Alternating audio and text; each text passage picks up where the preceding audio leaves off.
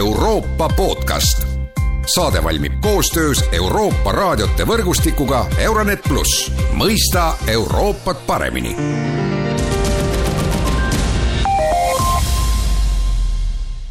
tere kuulama tänast Euroopa podcasti. Euroopa Komisjon on teinud ettepaneku lisada rohelistele energiaallikatele ka gaasi ja tuumaenergia.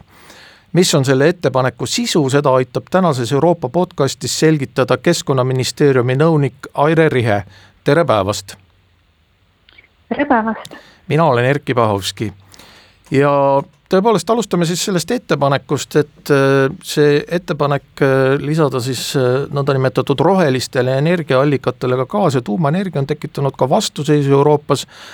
noh, keskkonnaorganisatsioonid on viidanud siin sellele, et, et see tegelikult ei ei täidaks rohepöörde antud või, või ette pakutud eesmärke, et mis siis selle ettepaneku sisu on? Mm? -hmm jaa, tõepoolest tegemist on jätkuettepanekuga äh, ühest juba kokku lepitud ettepanekust, mis on siis äh, oluline panus kliimaeesmärkide saavutamisse, äh, mis lepiti kokku kahe tuhande kahekümne esimese aasta detsembris, kus on siis sõnastatud kõik need tegevused, mis oluliselt panustavad tegevusalade kaupa kliimamuutuste mõju vähendamisse või selle leevendamisse. ja siinne ettepanek on siis selline kompromissvariant, mis käsitleb mitte neid tegevusi, mis on pikaajaliselt keskkonnakestlikud, ehk siis aastani kaks tuhat viiskümmend, vaid käsitleb üleminekutegevusi. ja need tegevused on välja töötatud just äh, sel põhjusel, et äh, meil on kiire ja komisjon kui ka liikmesriigid ise on leidnud, et äh, kuna liikmesriikidel on väga erinevad energiamiksid, energiasegud,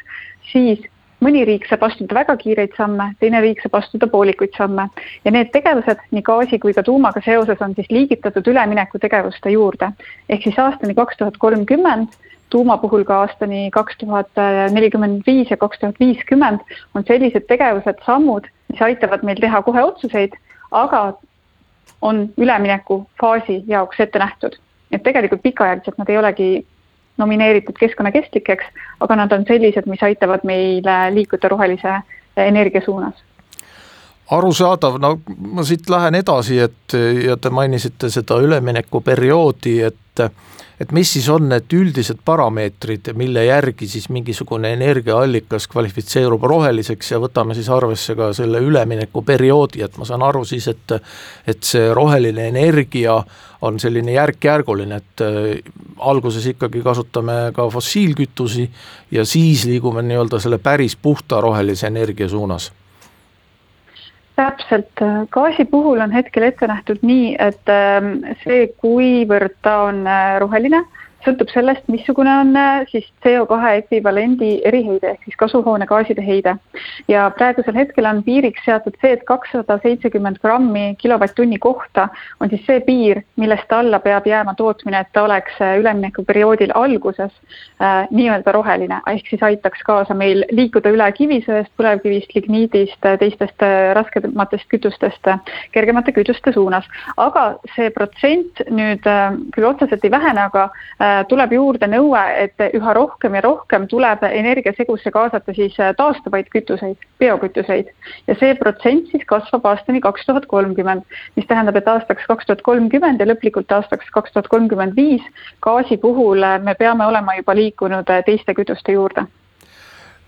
Kui, mis need teised kütused on, et selgitame võib-olla kuulajatele, et mis need puhtalt rohelised kütused ja energiaallikad siis võiksid olla teised kütused on meil toodud selles äh, dokumendis, mis juba tuvastab selle, mis on äh, keskkonnakestlik ja seal on toodud välja sellised kütused nagu tuuleenergia,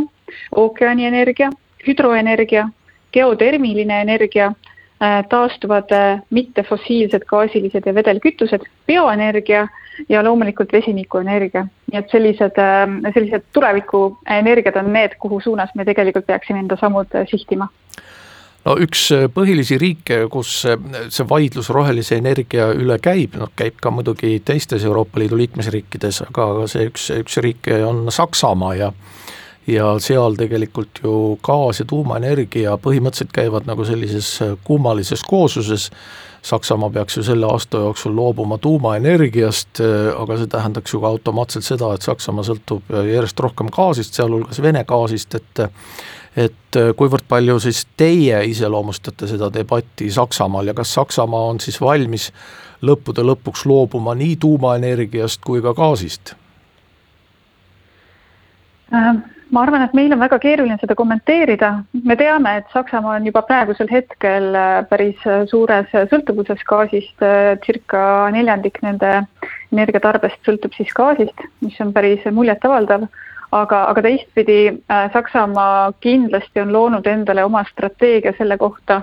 kuhu liikuda, sest et poliitiline otsus tuumavaldkonnaga lõpp teha tuli juba aastaid varem, nii et neil on oma strateegia ja selge on see, et selleks, et nad saaksid enda strateegiat äh, hästi ellu viia, olles väga teadlikud sellest, äh, kus nad on ka gaasi küsimustes, äh, see ongi põhjus, miks nad nii tugevat joont hoiavad ka läbirääkimistes, et anda enda investoritele selge siis suunis, kuhu liikuda. ja ma arvan, et see võib olla ka põhjus, miks nad ähm,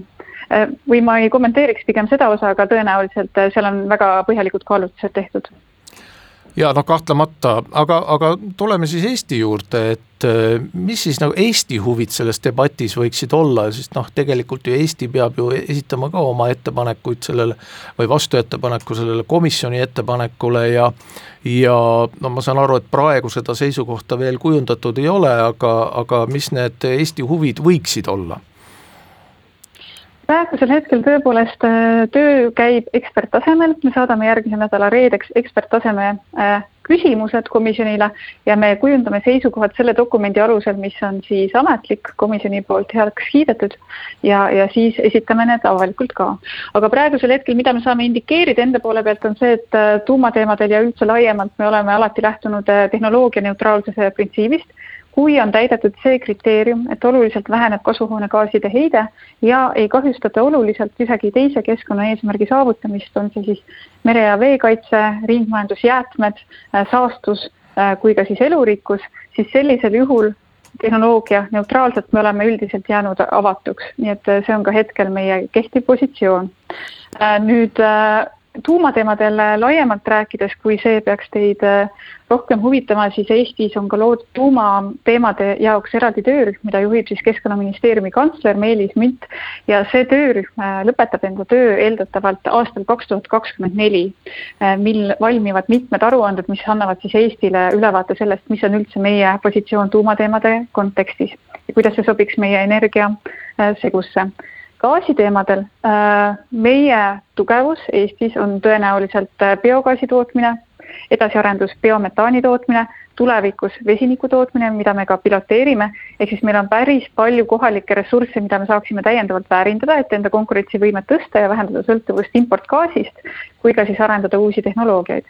nüüd äh, maagaasi kasutamine ongi selles mõttes ülemineku tegevus ta peaks olema hädaabiks, kui mitte midagi muud ei saa tõepoolest äh, teha. ja see on ka ette nähtud komisjoni poolt, kui ta selle ettepaneku tegi. maagaasi tuleb kasutada siis, kui ei ole muud võimalust näiteks äh, leida alternatiivi kivisöele, põlevkivile, ligniidile, muudele variantidele, ehk siis ta on üleminek, mitte lahendus iseenesest no siit loogiline küsimus on ju ka see, eks ole, et, et lõppude lõpuks, kui komisjoni ettepanekud on laual ja see ettepanek siis äh, näiteks tagasi lükatakse tuumaenergia osas, et noh, tuumaenergia ei kvalifitseerugi roheliseks energiaks, siis pikemas perspektiivis ei ole ju mõtet Eestisse tuumaelektrijaama rajada, sellepärast et see ei täidaks siis neid rohepöörde äh, tingimusi. Tuumajaama puhul äh, esimene ekspertraport, mis selle kohta arvamust avaldas, ütles nii, et ta kindlasti täidab kliimaneutraalsuse eesmärke see on selge. aga mida ei suudetud selle lühikese aja jooksul tagada, on see, et ta täidaks ka kõiki ei kahjusta oluliselt printsiipe. ja selle kohta on nüüd valminud kaks erinevat raportit, mille baasil komisjon enda ettepaneku üles ehitas. nii et pigem see tulevikudiskussioon, mis meil on, ongi see, et kõige kriitilisem küsimus on jäätmed äh, mis saab ohtlikest jäätmetest, kuhu need ladustatakse ja lõppladestatakse ja kuidas neid käideldakse. ja see on see, kus komisjon on olnud üpris range ja see on see, kus liikmesriikidel on kõige rohkem küsimusi. ja see on see küsimus, mis vajab siis lõplikku lahendust, ülejäänud küsimused on tõenäoliselt ka osaliselt äh, poliitilised noh, teoreetiliselt, kui me räägime keskkonnakestlikkusest, siis kõik riigid peaksid saama kasutada neid tingimusi samaväärselt, ehk siis ideaalses maailmas, kui me ütleme, et tuuma on keskkonnakestlik, siis kõigis riikides võiks olla oma tuumajaam, aga teatud tingimustel ja viimane küsimus, et noh, viitasite siin sellele, et Eesti läheb oma ettepanekutega või saab selle valmis järgmiseks reedeks, aga mis see üldine ajakava on, millal siis võiks siis selguda, mis need rohelised energiaallikad on Euroopa Liidus? Äh, rohelised energiaallikad äh, selgusid äh, eelmise aasta lõpus esimese delegeeritud aktiga, nii et nende kohta saab juba lugeda ja nende kriteeriumitega tutvuda ja need on ametlikult kinnitatud üheksandal detsembril kaks tuhat kakskümmend üks. aga praegusel hetkel komisjon on öelnud, et pärast seda, kui kakskümmend üks jaanuar liikmesriikide kommentaarid laekuvad, vaatavad need esimesel võimalusel üle ja selle järel annavad siis välja enda vajadusele kohandatud akti, mis on nende poolt kinnitatud ja mis läheb siis hääletusele liikmesriikide poolt. ehk siis selle aasta esimeses pooles tõenäoliselt need asjad selguvad. aitäh, Airi Rihe, selline oli tänane Euroopa podcast, kõike head ja kuulmiseni